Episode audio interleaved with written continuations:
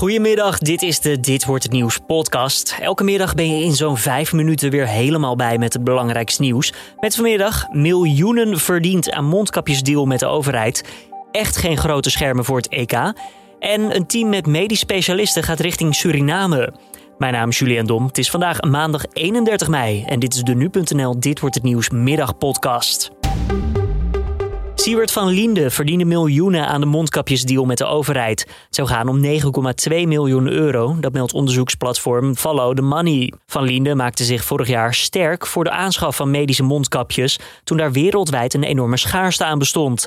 Hij claimde dat belangeloos te doen via de non-profit organisatie Stichting Hulptroepen Alliantie. De Volkskrant meldde eerder deze maand dat hij er zelf toch geld aan had verdiend door de miljoenen mondkapjes aan het ministerie van Volksgezondheid, Welzijn en Sport te verkopen.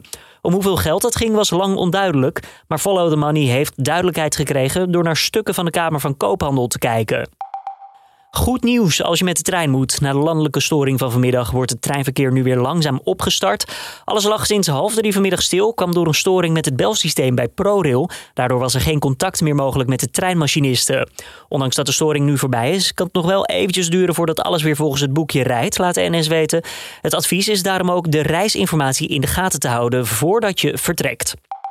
De gesprekken over de kabinetsformatie gingen vandaag weer verder. Bijna twee uur lang zaten Mark Rutte en Sigrid Kaag bij informateur Hamer.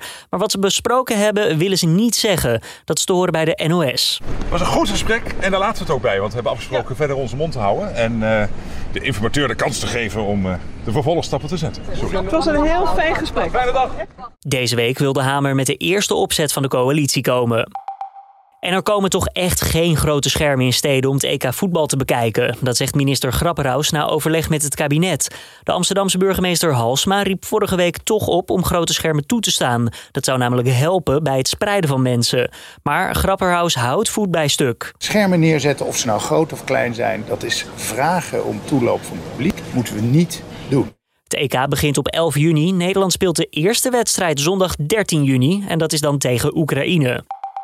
Vrijdag vertrekt een team van 15 tot 20 Nederlandse artsen en verpleegkundigen naar Suriname. Ze zullen daar helpen bij de coronabestrijding. De situatie loopt momenteel uit de hand in het land. Volgens een van de deelnemende artsen gaan nu mensen dood vanwege code zwart in het land. Eenmaal daar moet gekeken worden wat er allemaal nodig is aan personeel en materiaal om erger te voorkomen. Wel is al duidelijk dat er vooral tekorten zijn aan medicijnen en mondkapjes. Dan het weer van Weerplaza. Een zonnige week met vandaag lokaal 24 graden. Vannacht vrij helder en 9 graden. Morgen en woensdag dan meer goeds. Zon, zon en nog meer zon. En lokaal zelfs kans op 26 graden in Limburg. En om af te sluiten, in Bangladesh is een beruchte stroper opgepakt. Twintig jaar lang wist de man uit de handen van de politie te blijven. In die tijd zou hij zo'n 70 Bengaalse tijgers hebben gedood. De dieren worden met uitsterven bedreigd en zijn daarom beschermd.